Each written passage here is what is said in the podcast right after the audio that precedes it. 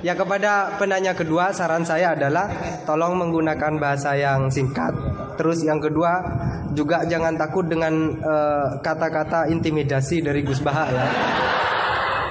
Karena menurut menurut Dilkarneji itu narasumber yang baik adalah yang mengintimidasi audiennya. Itu adalah salah satu ciri narasumber yang baik. Dilkarneji mengatakan begitu. Saya Gus nonton saya eh, beliau mungkin baca Del Carnegie. Kalau tapi kalau beliau tahu Del Carnegie ya.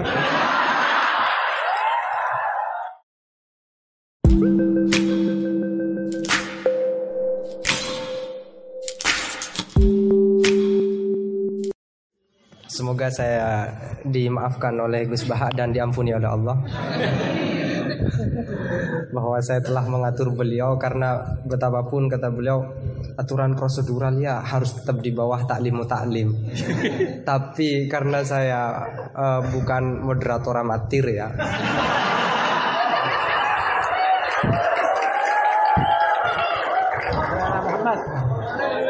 Jadi karena bukan moderator amatir, amatir saya pakai yang satunya bahwa ahlak itu harus di bawah hukum. Dan dalam konteks musyawarah ya moderator adalah kekuasaan tertinggi.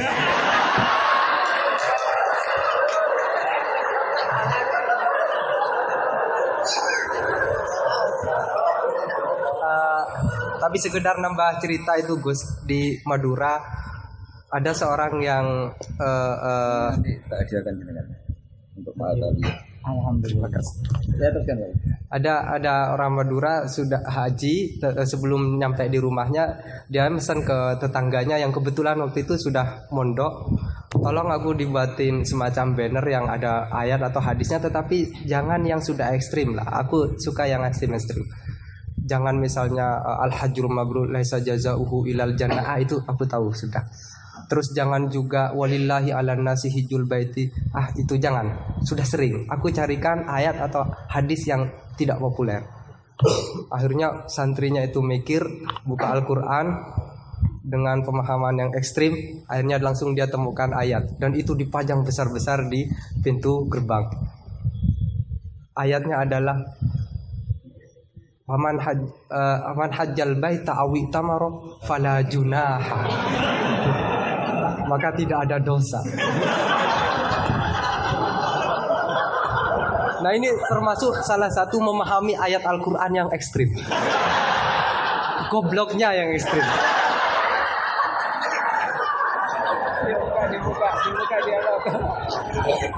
Baik, eh, silakan eh, dua pertanyaan, dua-dua penanya ya.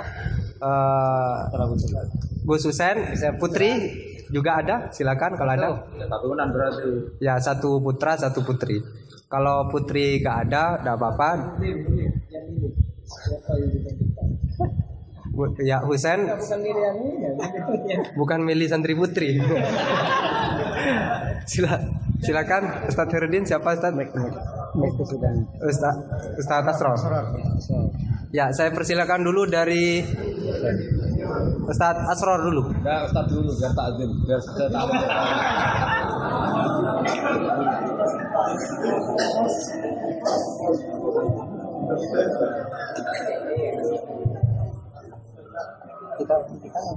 Assalamualaikum warahmatullahi wabarakatuh. Pihak haji Sudah paling. Saya termasuk muhibin beliau. Saya sering mengikuti eh, kajian-kajian jenengan di YouTube. Saya pernah dengar begini. Jadi ketika beliau mengutip di Syajaratul Ma'arif waktu beliau mengisi di Dirboy kalau kemudian saya langsung eh, cari PDF-nya Syajaratul Ma'arif karena memang selain juga sulit bacanya tapi insya Allah setelah itu meski mudah dipahami memang Syajaratul Ma'arif saya banyak berterima kasih. Karena waktu di mana hari saya belum tahu kitab Syajaratul Ma'arif karya Izzuddin bin Abdus Salam itu yang dibaca di sini memang mirip Qoyatul Usul. Sehingga ketika pindah ke Syajaratul Ma'arif eh, tidak terlalu sulit seperti memahami Rubul Usul memang Eh, beliau salah satunya adalah ayat yang dibaca Ustaz Wahid tadi itu paman hajjal baita wa tamara fala junaha alaihim itu kemudian disimpulkan bahwa apa namanya jangan sampai Enggak bahasa Arab saja biar kelihatan halus. oh Tanggul hak dilihat di bati itu boleh. Enggak, tapi enggak begitu rasanya. Saya mau bahasanya Gus saya Jadi, enggak saya enggak bahasa. bahasa saya bukan. Dia itu, dia itu, dia itu. Kalau di depan Gus Bara itu semua keiman jadi.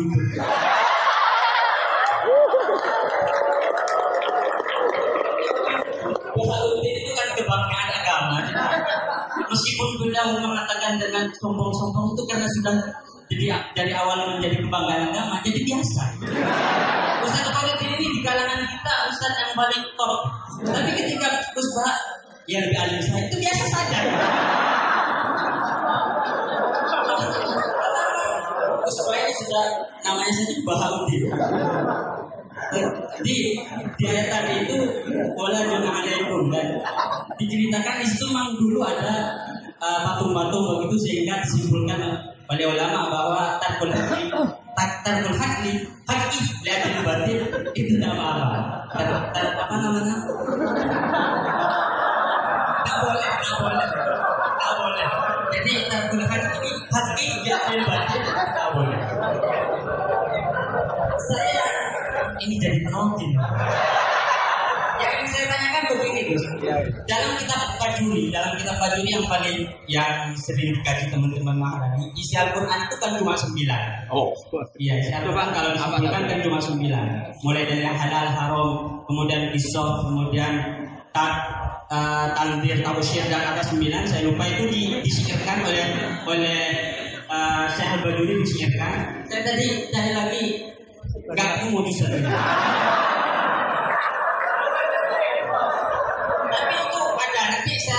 di bab eh, di bab head ya di bab head nanti saya persilahkan ke teman-teman di bab head itu di bajurinya ada siiran tentang isi isi isi Al-Quran cuma ada sembilan.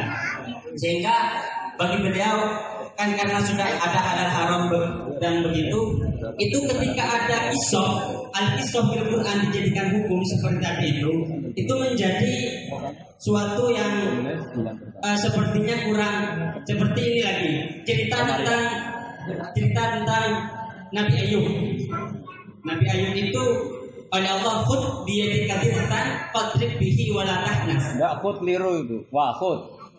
wa khud dia dikatakan fadrib bihi wala tahnas ayat ini kalau di kalau di Rawal Bayan itu menjadi dasar kebolehan kebolehan hilang dalam fikih Quran buang satu huruf enggak boleh.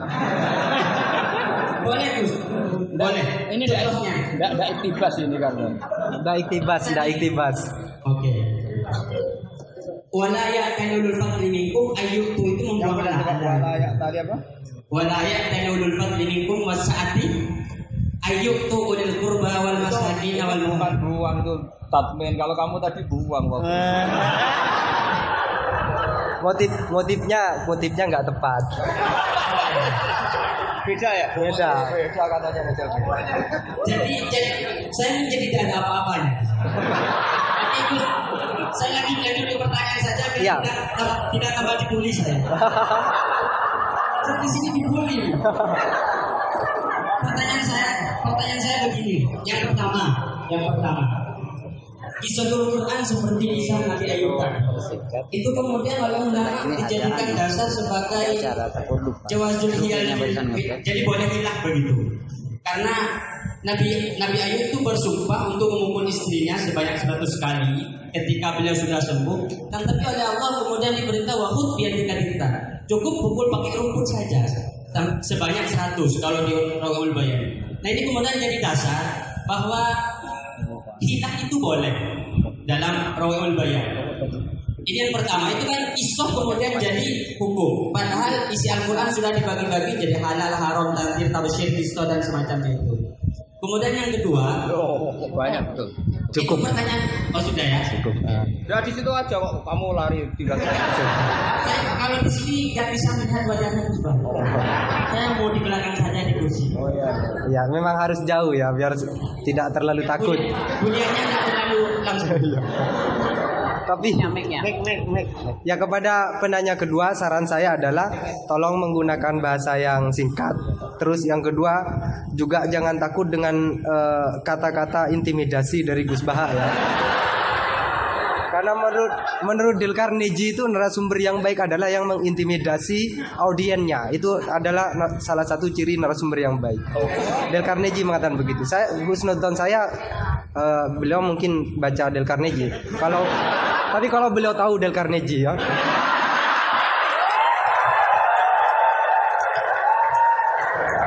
Ya, silakan Saudara Husen.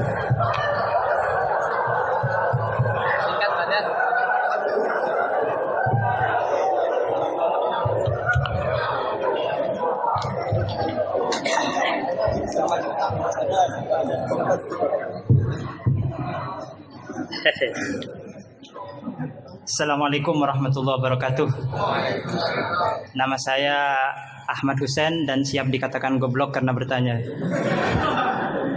Eh, Gus Baha ini berapa bulan yang lalu diangkat sebagai Rois Suriah PBNU dan itu tidak melalui proses kaderisasi melalui ranting MWC dan seterusnya.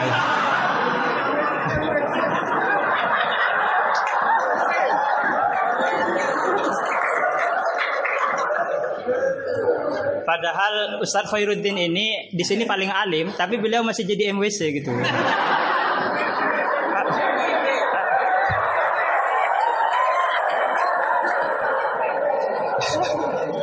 Iya, terima kasih.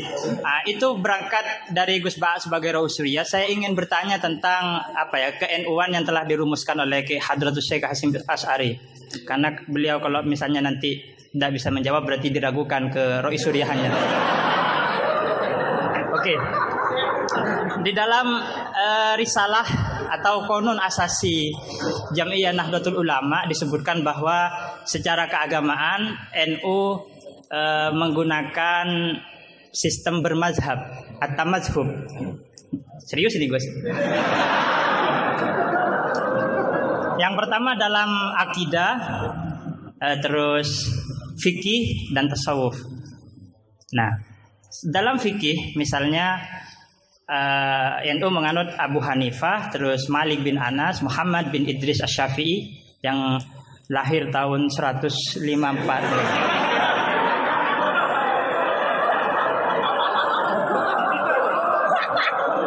Wafatnya tahun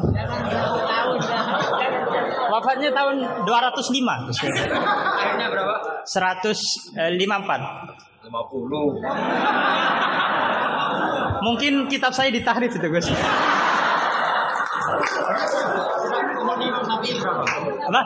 63. Boleh, 54. Oh iya. Ya intinya umurnya pendek. Berapa? 50 pokok 50 lah. 150 tambah 204. Iya, 204. Kalau Al Ghazali wafat 505. Ya. Nah, iya. Iya, pertanyaannya gini, Gus. Pertanyaannya gini, bahwa sistem bermadhab NU itu yang pertama adalah Al-Qur'an, As-Sunnah, Ijma' dan Qiyas. Sementara dalam aspek lain, eh, NU menganut mazhab Abu Hanifah, Malik bin Anas yang mana salah satu masodir apa salah satu masodirul ahkamnya adalah misalnya Abu Hanifah menggunakan istihsan. Imam Malik menggunakan amalu ahli Madinah. Nah, ini seperti ada apa ya kontradiksi atau kontradiksi inter apa kontradiksi interminus istilahnya itu um, di satu sisi pakai kias, tapi di sisi yang lain kok menerima istihsan gitu, menerima amalu ahli Madinah. Padahal dalam sistem apa beragama NU itu landasan keagamaannya adalah Al-Qur'an, As-Sunnah, Ijma' dan Qiyas. Tapi di dalam ruang lingkup yang lebih dalam dalam bermadhab Abu Hanifah itu Abu Hanifah menggunakan istihsan. Ini perlu ditambah rumusan ahlu sunnah wal jamaah atau saya yang salah memahami gitu. Jadi yang dimaksud kias di situ apa Gus itu? Kalau misalnya kias hamlu maklumin ala maklumin sebagaimana dalam goya halaman berapa itu? Terima kasih. Jadi yang dimaksud kias dalam rumusan alusunnah wal jamaah itu gimana? Karena masih ada istihsan gitu kan, ada kontradiksi gitu. Kok kias diterima, istihsan juga diterima gitu. Terima kasih. Semoga Gus Baha paham ya. Ini yang semoga yang nolar itu bukan hanya GR-nya ya. Tapi juga ilmunya beliau semoga nolar. Amin. Saya persilahkan kepada Kiai. Enggak, enggak dijawab gurunya aja cukup. Ini siapa? Ustadz Wahid, Abdul Wahid. Yang ini. Husain. Ustaz. Bisa. Tapi enggak cucunya Nabi yang dosen.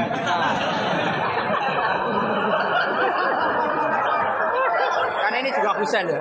Husain juga. Ini Husain. Husain. Husain. Kata ini budaknya.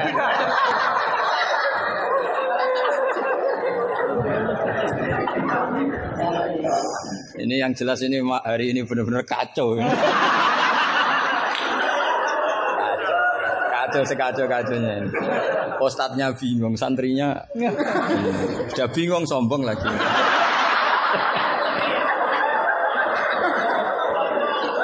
Yang boleh sombong tuh yang sudah ada bingung-bingung. Tapi agak apa-apa, saya maafkan ya memang itu satu-satunya cara dia untuk menang gitu.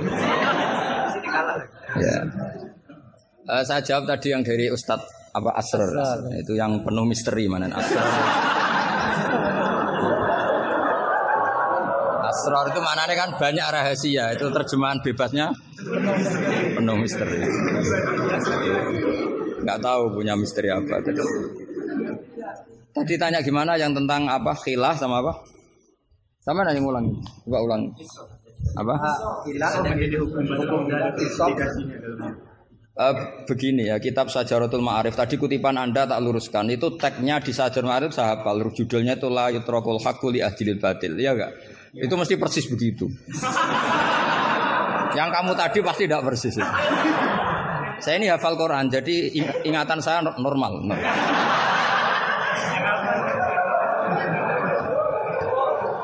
Terus berhalanya namanya apa? Saya ingat kalau berhala yang di Sofa dan Marwah, Isaf dan Nailah. Kamu Oh enggak ingat. Udah ingat apa dah? Gitu kok jadi guru.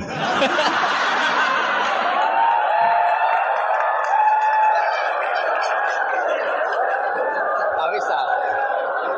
Jadi maksudnya itu mungkin jadi gurunya sah karena muridnya lebih bodoh. Tapi yang nggak sah itu gini loh. Wong kelas gitu kok melawan saya itu loh.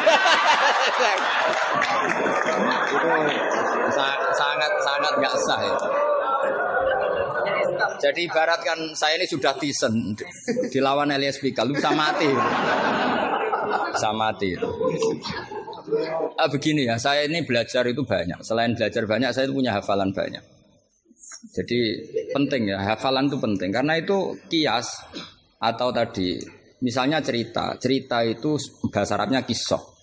Tapi asalik anil kisah ilal iktibar itu adalah maslaku ahlil akhyar. Itu masyur itu dawe ulama. Jadi dari cerita kemudian diiktibar itu maslakul akhyar apa eh, manhatnya orang-orang pilihan. Sehingga cerita ini sebetulnya izoh atau mau izoh atau kisah ini menjadi iktibar. Dan iktibar masuk yang ke di antara yang sembilan itu. Misalnya begini, sampean guyon di sini.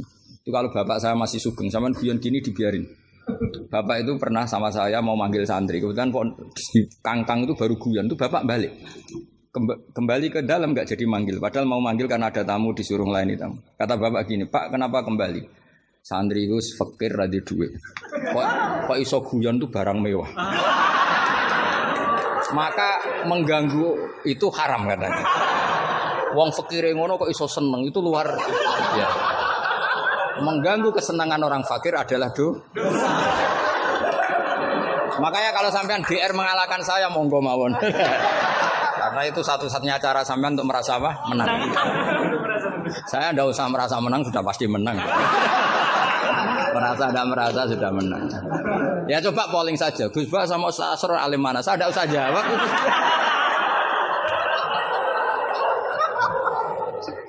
Saya tidak usah jawab, pasti menang saya. Bukan saya yang memenangkan, ya memang menang, memang. menang. Buktinya gampang kan? Sampean ngundang saya apa ngundang Ustadz Asror?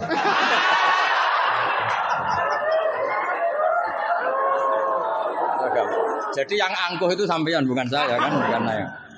Ya, jadi iktibar itu maslaku ahli akhyar. Termasuk yang saya kagum dari kitab Sajaratul Ma'arif adalah ketika malam itu ada rapat, dengerin ya, malam itu ada rapat bahwa besok Musa harus ditangkap.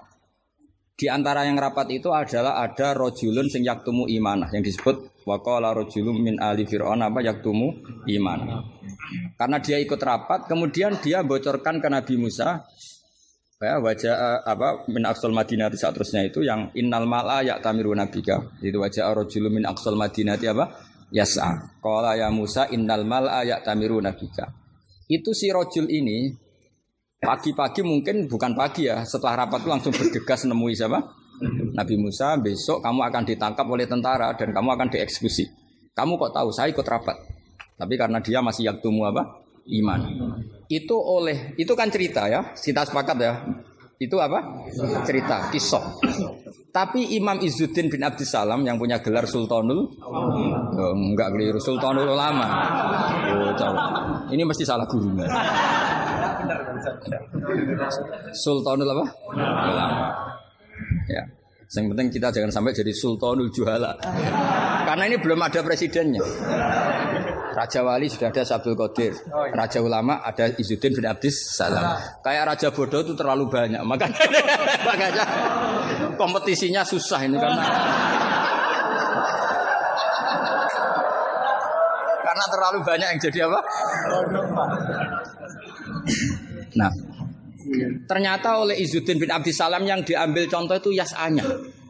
Maka di di ayat itu beliau mengebabkan babul musaroah ila dima. Bab pentingnya bergegas untuk menyelamatkan mengalirnya darahnya seorang mukmin. Jadi yang dia simpulkan dari kata yas'a bahwa untuk menyelamatkan darah itu orang oleh sak kobre, oleh orang, tidak boleh sesempatnya, tapi harus yas'a. Yas'a itu bergegas. Nah itu kan dari kisah menjadi istidlalun fikhiyun apa menjadi istidlalun fikhiyun atau amrun fikhiyun Allah tidak mengatakan yamshi tapi yasa karena pikirannya rojul tadi jangan sampai menangkapnya apa malah Fir'aun mendahului larinya Musa maka di sini yasa tidak dimaknani sebagai hanya cerita tapi kesimpulan secara fikih bahwa untuk menyelamatkan darah itu harus Yas ah, harus bergegas. Nah itu contoh. Jadi kalau sampean tanya Sajaratul Ma'arif itu ikut partai mana? Itu ikut partai Itibar dari sembilan itu ikut partai apa? Itibar. Yang kemudian wakut biatika dikhtan, khilah itu boleh asal dibolehkan Allah. Itu kan bukan Nabi Ayub yang ingin khilah, tapi Allah yang mengajarkan khilah. Nah kalau Allah yang mengajarkan itu menjadi halal berdasar kesalahan masing-masing. Sampean tahu nggak ceritanya Nabi Ayub sama istrinya? Apa setengah tahu? Apa? Oh setengah tahu lah. Ini yang setengahnya tak tambahi lagi. Istrinya Nabi Ayub itu cantik, cantik sekali. Karena memang sunnahnya ulama itu memang punya istri cantik. Entah sunnah itu dengan arti kesunatan, entah takdir, tidak tahu. Jadi sama nggak usah tanya, istri Gus gimana? Ikut sunnah itu. Ikut sunnah. Karena nanti kasihan kalau dia istrinya jelek terus alumni dosowan istrinya cantik kan dia ngenes. Oh kasihan itu ya. Yang cantik juga kasihan nyiumi tangan orang yang lebih nggak cantik. uh, ceritanya sebenarnya gini ya. Uh, dari kejauhan, ya saya ulang lagi dari kejauhan. Itu istrinya Ayub ini ngomong-ngomong sama lelaki ganteng. Padahal itu aslinya Jibril. Singkat cerita, si istri ini karena Ayub ini sudah diembargo masyarakatnya dengan cerita-cerita seperti itu. Pokoknya kita mempercayai versi itu lah. Setidaknya mengikuti ulama yang mempercayai itu, di antaranya Syekh Nawawi. Bahwa memang Nabi Ayub diungsingkan masyarakatnya sampai ya sampai kesulitan secara finansial, ekonomi dan ke, ketahanan pangan. Terus itu kerja dapat uang, kerja dapat uang. Suatu saat sampai pada level ekstrimnya, nggak dapat pekerjaan, nggak dapat uang. Kebetulan ada anak raja yang e, rambutnya itu brodoli yang nggak punya rambut. Terus saya bayarkan siapa yang rambut terbaik mau dibeli mahal. Akhirnya istrinya ini menjual apa? Rambutnya. Ya, ya tadi kalau orangnya cantik ya rambutnya cantik. Kalau cantik terus keriting bulat kan susah itu. Kalau keritingnya tidak pas, kalau pas ya tetap cantik ini maksudnya. Nah, ketika dijual terus dapat uang dan itu di atas rata-rata. Si Nabi Ayub ini curiga. Ya, bawaan seorang suami yang punya istri cantik. Kalau jelek kan gak gampang curiga. Terus buder, keriting, welek kan suaminya agak gampang curiga. Kok dapat uang banyak ini dari mana? Singkat cerita, dengan tanda kutip eh, kesalahpahaman ini menjadikan beliau agak latah agak latah bersumpah la adriban naki mi'ata sautin kamu akan sabukul mi'ata sautin akhirnya Allah ini kan yang ayub ya orang soleh cemburu itu sah karena seorang lelaki seorang suami Eh, pilihan-pilihan istrinya juga sah Allah tidak ingin orang solihah seperti istrinya Ayub dapat hukuman yang tidak semestinya. Tapi Allah juga gak ingin hamba yang soleh Ayub ini melanggar sumpahnya. Jadi Allah sendiri yang coro gampangannya memikirkan cara keluar dari sumpah itu. Paham ya? Dan istrinya tidak tersakiti oleh 100 cambuan. Ya 100. Akhirnya Allah bilang gini, ya sudah kamu pakai lidi 100 saja, cambukkan sekali, anggap saja sudah 100. Itu disebut wahud biadika dikhtam fadribihi wala tahnas. Jadi kata 100 tetap 100, tapi si solihah tadi nggak perlu kesakitan dengan 100 pukulan. Tapi ini yang milih biar Allah, tidak kamu. Kalau kamu yang ngelah pasti kriminal. Jadi ayat itu jelas wahud itu khitabun minallah li Ayub, bukan Ayub yang menghilah. Makanya ada ayat wa makaru wa makarallah khairul makirin. Itu kan seperti Nabi Ibrahim. Nabi Ibrahim itu hanya Allah yang bisa mengilhami seperti itu. Ada raja yang maniak perempuan itu sampai ngirim beberapa mata-mata kalau ada perempuan cantik melintas di daerahnya pasti ditangkap, mau disuguhkan ke rajanya. Suatu saat yang lewat ini Ibrahim dan Sarah itu cantik sekali. Jadi ini sudah contoh dua, istrinya Ayub ya cantik, istrinya Ibrahim ya cantik. Karena yang cantik sudah jadi istrinya para nabi, mungkin kamu ini yang nggak tahu saya kebagian apa enggak itu. Kalaupun cantik pasti nggak setingkat siapa? Sarah. Sarah itu cantik sekali. Singkat cerita ditangkap. Kemudian Sarah ini mau di ya mau diperistri oleh raja. Ketika Ibrahim tanya, "I- perempuan ini hubungannya dengan kamu apa? Nabi Ibrahim pinter karena raja ini maniak perempuan. Kalau dijawab suami pasti dibunuh karena suami itu problem. ya bagi raja yang maniak perempuan ini kan suami itu. Tapi kalau saya jawab ukti, ipar pasti dihormati. Karena kalau dijawab ukti kan, oh iparnya, iparnya orang cantik. Kayak kangkang yang punya adik cantik pasti dihormati ustadznya. Wah itu pasti. Sampean goblok lah punya adik cantik terus ustadz kamu tahu itu aman tak jamin. Karena ustadz-ustadz potongan gini tuh pasti dah ikhlas tak jamin. Imannya pasti guncang itu Pak. Kamu punya adik cantik terus tidak muhafadoh. Sudah ada dikasih ustadznya sen, ya sudah pak, tidak jadi ipar. Oh, udah udah lulus. Termasuk barokahnya lelaki itu memang punya adik cantik itu kalau tepat di garwo kiai, kamu kakaknya kiai. Banyak orang awam tahu-tahu mertuanya kiai. Barokahnya apa? Punya anak cantik itu, itu memang berkah. Maka Ibrahim pinter, beliau jawab ukti, ini saudara saya. Sehingga dengan demikian beliau akan dihormati sebagai ipar. Tapi kalau bilang suami kan problem pasti dibunuh. Sampai Sarah ini marah-marah. Ibrahim ditarik ke kamar, kamu itu nabi kok bohong. Jadi Sarah itu unik, kecewa dia punya kamu itu nabi kok punya ya nabi suami kok. Kalau suami bohong biasa ini suami ya nabi. Nah ini kan potongan-potongan biasa bohong. Tapi ini kan ya suami ya nabi. Kamu itu suami nabi kok bohong. Ya kalau ya kalau nabi kan nggak mungkin bohong. Tapi kalau suami tok kayak sampean-sampean ini kan, wah mesti bodoh nih. Bar ngopi di perempuan cantik kok di ngopi, nang di, ya ngopi wae. Karena kalau menyebut warung kopinya pasti apa? Masalah. Makanya kalau dijawab ngopi ning di, kalau isinya ca- apa yang jaga cantik di umatnya Rasulullah. Aduh, kan. Karena sekali disebut masalah. Itu akhirnya Nabi Ibrahim jawab, tidak ada di muka bumi ini orang muslim dan muslimah kecuali kamu dan saya. Maka fa anti ukhti fil Islam. Kamu itu saudara saya dalam Islam. Terus oleh balaghah disebut itu tauriyah apa? Tauriyah. Tauriyah itu kata yang tidak bohong tapi lafat ini muhtamil. Apa lafat ini mirip-mirip muhtamil. muhtamil. Jadi sebenarnya saya mengatakan sampean goblok itu goblok dalam hal maksiat. Itu kan keren. Sampean saja yang sudah tersinggung, wong darani goblok itu. Salah sampean. Padahal saya punya siapkan kalau ditanya Allah, hak mosok santri batal barani goblok. Goblok nggak tahu caranya korupsi, Gusti. Wah. Jadi itu sebetulnya kalimat madkhin.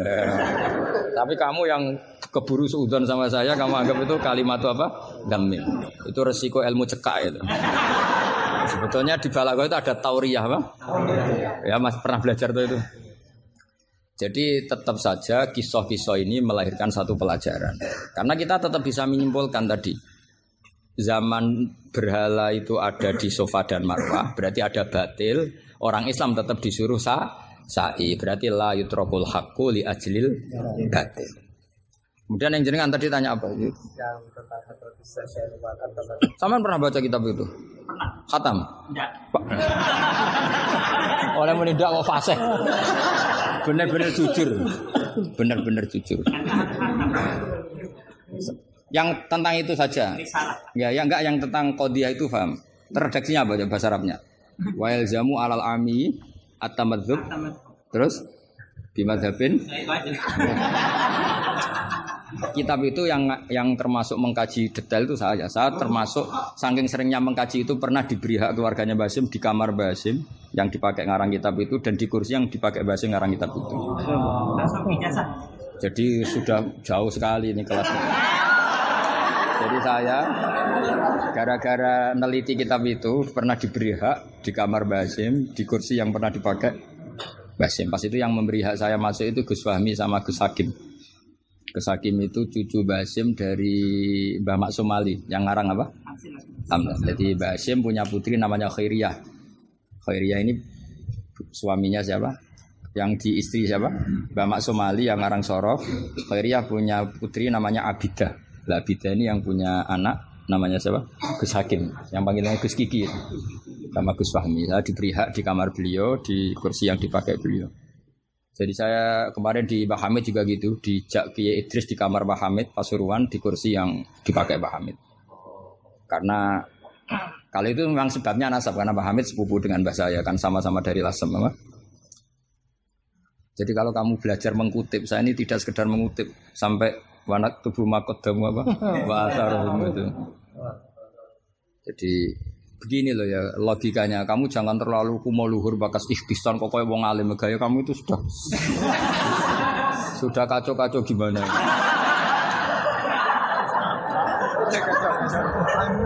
Kayak parah ya.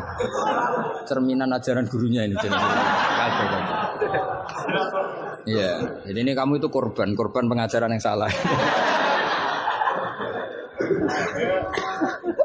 Dan kamu bahasanya juga salah. Menurut NU, pegangan itu empat itu tidak menurut NU, menurut ahli sunnah wal jamaah. Jadi begini ya, kias itu kan sebetulnya hanya bahasa saja. Sebetulnya ya istihsan, istihsan juga kias. Sebenarnya kalau kita karena ketika seseorang itu menomorsatukan Quran dan hadis, pasti istihsan ini juga tidak keluar dari Quran hadis. Ketika kamu katakan kias, itu juga tidak keluar dari Quran hadis. Maka pertanyaannya, menurut Dawud Al-Zahiri, sebetulnya kias itu ada apa enggak? Ya bisa saja enggak ada. Misalnya begini, sama tak beda aja ilmu yang paling gampang. Yang kamu pahami kias itu ada berapa? Awlawi, terus Musawi sama Adna yang gampang-gampang saja yang yang masih amatiran saja. Kalau di usul fikih istilahnya apa? La- Lahnal khitab, fahwal khitab. Ngono kok lali yo ya. Aku sing wis tokoh eh, nasional ilingan. Harusnya lupa itu saya pantasnya karena sibuk. Harusnya yang pantas lupa itu saya karena sibuk. Kalau soal kalau soal Surya memang saya tidak minta, jadi itu anugerah sudah, anugerah khidmah. mungkin. Saya juga sampai sekarang nggak merasa Roh Surya biasa aja. Karena ya apa ya kalau keluarga Quran tuh beda. Saya ini kan dari keluarga Quran bapak saya hafal, bapak saya hafal sehingga apa ya bangganya itu sudah dengar ngitmai Quran. Jadi sampai hormatin ndak itu ndak ngefek sudah sudah. Biasa munajat kenal Allah, kenal makhluk biasa.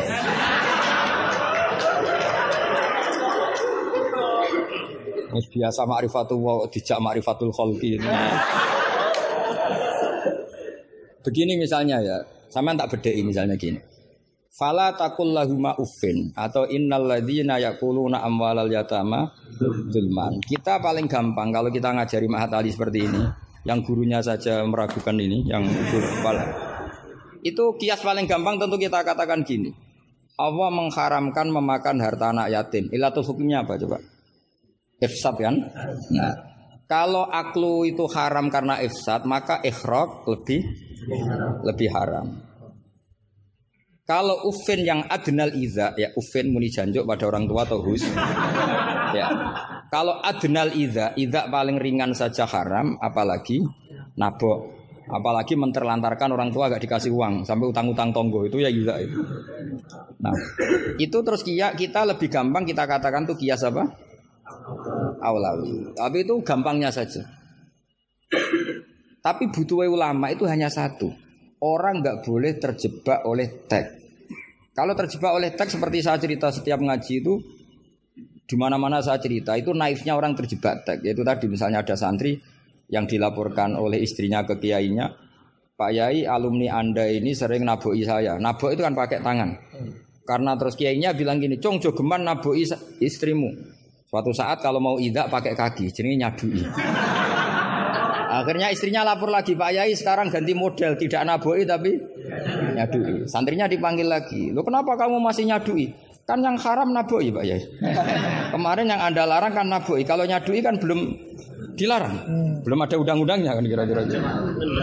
Nanti yo nendang yo haram pisan. Hari berikutnya ngidoni, ngeludahi. Itu kan korban tekstualistik. Kalau dia cerdas, Hurmatul ida itu yang haram itu idanya. Nago iya ida, nyadu iya ida, meludahi juga ida. Membiarkan miskin juga ida. Nah, seperti itu sebetulnya andekan kita daukus salim, sebetulnya nggak perlu itu kita katakan kias apa enggak. Zaman sahabat juga nggak kenal kias. Tapi tahu kalau maknanya pasti seperti itu. Pasti maknanya seperti itu. Misalnya kamu ada tamu, jangan suguhi air panas kasihan. Terus kamu suguhi adem tapi peceren. Sementing nggak air panas. Itu kan santri gila. Jadi sebetulnya dengan atau tanpa istilah kias maupun istihsan itu adzaukus salim itu pasti tahu. Makanya termasuk kitab yang saya kagumi itu Sarah Imriti, Fathur Rabil itu kitab kecil yang nyarai apa? Imriti atau Marioto itu kalau yang kalau baca Imriti tidak bisa ya Pak? Marioto itu. Itu di situ diterangkan fama fatahum illa mujarodul istilah. Jadi kalau kamu tanya kenapa sahabat tidak belajar nahwu, tidak belajar iklal, tapi mereka punya salikoh, punya tobiah yang menjadikan mereka ya kalau ngendikan ya doroba zaidun amron atau marortu bizaidin. Tapi mereka kalau kamu tes, misalnya Abu Bakar buat tes, zaidun jenenge opo? Doroba zaidun amron, terus amron jenenge opo? Ya ora iso pinter sampean mesti. Sampean pinter zaidun fa'ilun marfuun wa alamatu rafi'i dhammatun dhahiratun. Kali annahu ismul mufrad. Amron maf'ulun bih mansubun wa alatun. Mesti ra iso, mesti pinter sampean. Tapi sampean mesti ditertawain Abu Bakar. Karena ditertawanya gini. Kang, pelaku pemukul siapa? Zaidun. Berarti Zaidun jadi apa? Fa'il. Ya wis suwi agar subjek bahasa Arabe ya fa'il. Sing dipukul sapa? Amron. Jenenge apa maf'ul? Lah iya angger objek jenenge ya madrub. Jenenge ngono kok butuh jeneng bocah kok goblok. Mesti gitu kira-kira. Jadi sebetulnya ketika kita punya istilah yo ono naive dhewe. Wong karuan pelaku yo bahasa Arabe mesti fa'il. Wong karuan objek yo jenenge maf'ul. Lah Anda masih bangga dengan istilah itu. Lu iya kan agama ini kan mengajarkan kebaikan. Tentu sesuatu yang kebaikan itu dianggap agama. Makanya Abu Hanifah membolehkan istihsan. Nah karena beliau itu orang soleh pasti pegangannya Quran dan hadis. Artinya istihsan yang tidak keluar dari Quran. Ya sama kita bahasakan itu kias, mereka bahasakan nggak ada masalah. Dan zaman sahabat nyon saya udah tahu istilah itu semua, memang nggak perlu tahu karena masih punya daukus salim. Makanya sahabat itu pinter sekali kan, tapi nggak perlu, nggak perlu kamu tes. Karena kalau protes juga guyu. Mbah Abu Bakar, ya Abu Bakar tak takok idoro Zaidun Amron, mana yang fa'il? Mesti guyu. Wong karuan sing mukul Zaid yo fa'ile iku. Zaid. Maknane fa'il itu pelah. Amron maf'ul bi. Mesti ya anggar korban objek jenenge Amron. Oh ya wong ilmu ngono kok bangga. Cara Abu Bakar mesti iki cerita. Makanya disangkan fama fatahum illa mujarradul istilah sahabat itu hanya nggak tahu istilahnya tapi membacanya sudah benar. Nah kenapa tidak tahu? Memang tidak ingin tahu, Wong gitu saja kok perlu tahu. Lo kok udah tahu ya? Coba lam itu namanya apa? Jazim. Berarti yadrib namanya madzum. Terus Abu Bakar buat warani. Yadribu, kenal lam menjadi lam yadrib, lam jazim, yadrib madzum. Yo wis suwe le jongcong, angger amile. Inna Zaidan kok imun, inna amil Zaidan makmur. Mesti yuk Abu Bakar suku ya. Cong cong ra ilmu kok seneng merakaruan. ya mesti wae. itu kan makanya dulu bahasa Arab dulu itu tidak ada kata zaujah. Kata zaujah itu bid'ah gitu. Bahasana bodolala tidak tahu, pokoknya bid'ah. Di Quran nggak ada loh bahasa zaujah. Mbak-mbak ini perlu tahu, nggak ada bahasa zaujah. Coba asa rabbuhu intallaqakunna ayyubdilahu azwajan. Azwajan jamaknya zaud apa jamaknya zaujah? Loh, azwajan jamaknya zaud. Azwajan jamaknya apa? Zaud. Di Quran nggak ada bahasa zaujah karena maknanya zaujun itu pasangan. Kalau dikatakan lelaki maknanya perempuan. Kalau dikatakan perempuan maknanya lelaki karena zaujun maknanya pasangan. Dah berhubung jaga nih wong ora pati pinter mau. Akhirnya terus ono zaujah. Di Quran nggak ada. Coba an-nabiyyu aula bil mu'minina min anfusihim. Terus ya apa? Wa azwajuhu ummahatuhum ayo. Azwat zamannya zaujun apa zamannya zaujah? Zaujun, zamannya zaujah, zaujat. Mau belajar bahasa Arab sih kok bantah bocah ora sopan. Tapi berhubung jaga wong goblok-goblok iku. Akhir ono zaujun. Ono zaujah sebetulnya cara wong ditaku saleh wae, wae zaujun itu pasangan. Coba lihat di Bukhari, anak Aisyah ta zaujin Nabi. Jarang Imam Bukhari bilang zaujatin Nabi. Anak Aisyah ta zaujin Nabi. Karena itu masih bahasa Arab orisinil. Belum kena mahat ali sini masih orisinil. ya belum kena asrori asrori ya. Karena maknanya zaujun itu apa? Pasangan. Pasangan. Jadi kalau dikatakan zauju Zaidin berarti imro'atu Zaidin. Kalau yang ngomong itu misalnya zauju Aisyata ya siapa? Pokoknya mesti seperti itu. Tapi gue beda no, ben wong gue gampang ono zaujun. Tapi Quran nggak pakai bahasa itu, masih pakai bahasa orisinal. Makanya disebut an-nabiyyu aula bil mu'minina min anfusihim wa azwajuhu ummahatuhum. Azwat huna jam'u zaujin. Zaujin maknanya pasangan. Dong ya. Jadi bahasa ngalami lah. Sahabat tuh nggak perlu tahu bahasanya sampean nggak perlu. Coba kalau sampean ketemu orang Arab, ditakoki ya diguyu orang Arab. Sekolah yang di anakmu, sekolah yang madrasah. Kalau ditanya madrasah terjemahnya apa? Sekolah. Sekolah perempuan. Berarti sekolah-sekolah kan. Jadi ah, lucu kita. Sampun itu sudah bakdo ya. Sudah. Orang Jawa jadi satu sampun bakdo. Bakdo itu bahasa Arab. Maknanya ya sudah. Nah sahabat tuh tahu betul apa karena punya zaukus sehingga pernah juga ini cerita kedua dan ini terakhir, nggak boleh tanya lagi. Ketika ada seorang khotib menceritakan Allah ngendikan, "Fawarobbis sama iwal ardi innahu lahakum misama annakum tantikun." Itu ada orang Arabi ngaco. Mangdalladzi akhdobal jalil hatta alja'u ilal yamin. Ayo hafalkan Pak biar latihan hafalan apa? Mangdalladzi akhdobal jalil hatta alja'u ilal yamin. Pak Khotib, saya mau tanya, siapa yang bikin Allah murka sampai Allah dipaksa sum sumpah? Karena orang kalau sampai sumpah itu artinya nganggep mukhotomnya tidak percaya. Makanya di balagoh ada urutannya.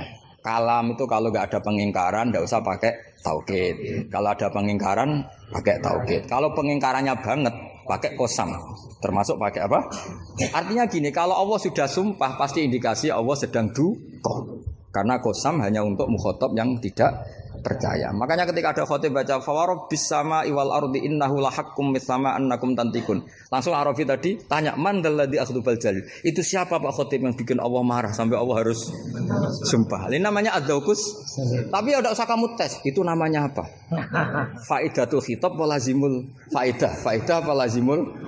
Ya nggak bisa kalau zaman dulu ya nggak ada istilah itu. Istilah itu kita bikin. Jika kamu khotob kholiyah ini begini. Kalau agak nggak percaya, terus kamu sok pinter. Jika kamu khotob ingkar maka gini. Ya memang bahasa Arabnya nggak percaya kok ingkar dul dul ngene kok ora roh. Tapi kamu anggap bahasa Arab itu luar biasa. Ya kan normal kan sebetulnya itu normal. Dong ya sudah ya. Ya sudah. Ya sekira mohon maaf ya muka-muka kula ya disepuro pangeran. Tapi yang jelas itu lebih salah sampean. Lah wong seneng kiai kok ngatur apa? Gus Bah harus datang tanggal ini jam ini. Cek keren nih ngatur. Ya, saya kira demikian. Assalamualaikum warahmatullahi wabarakatuh.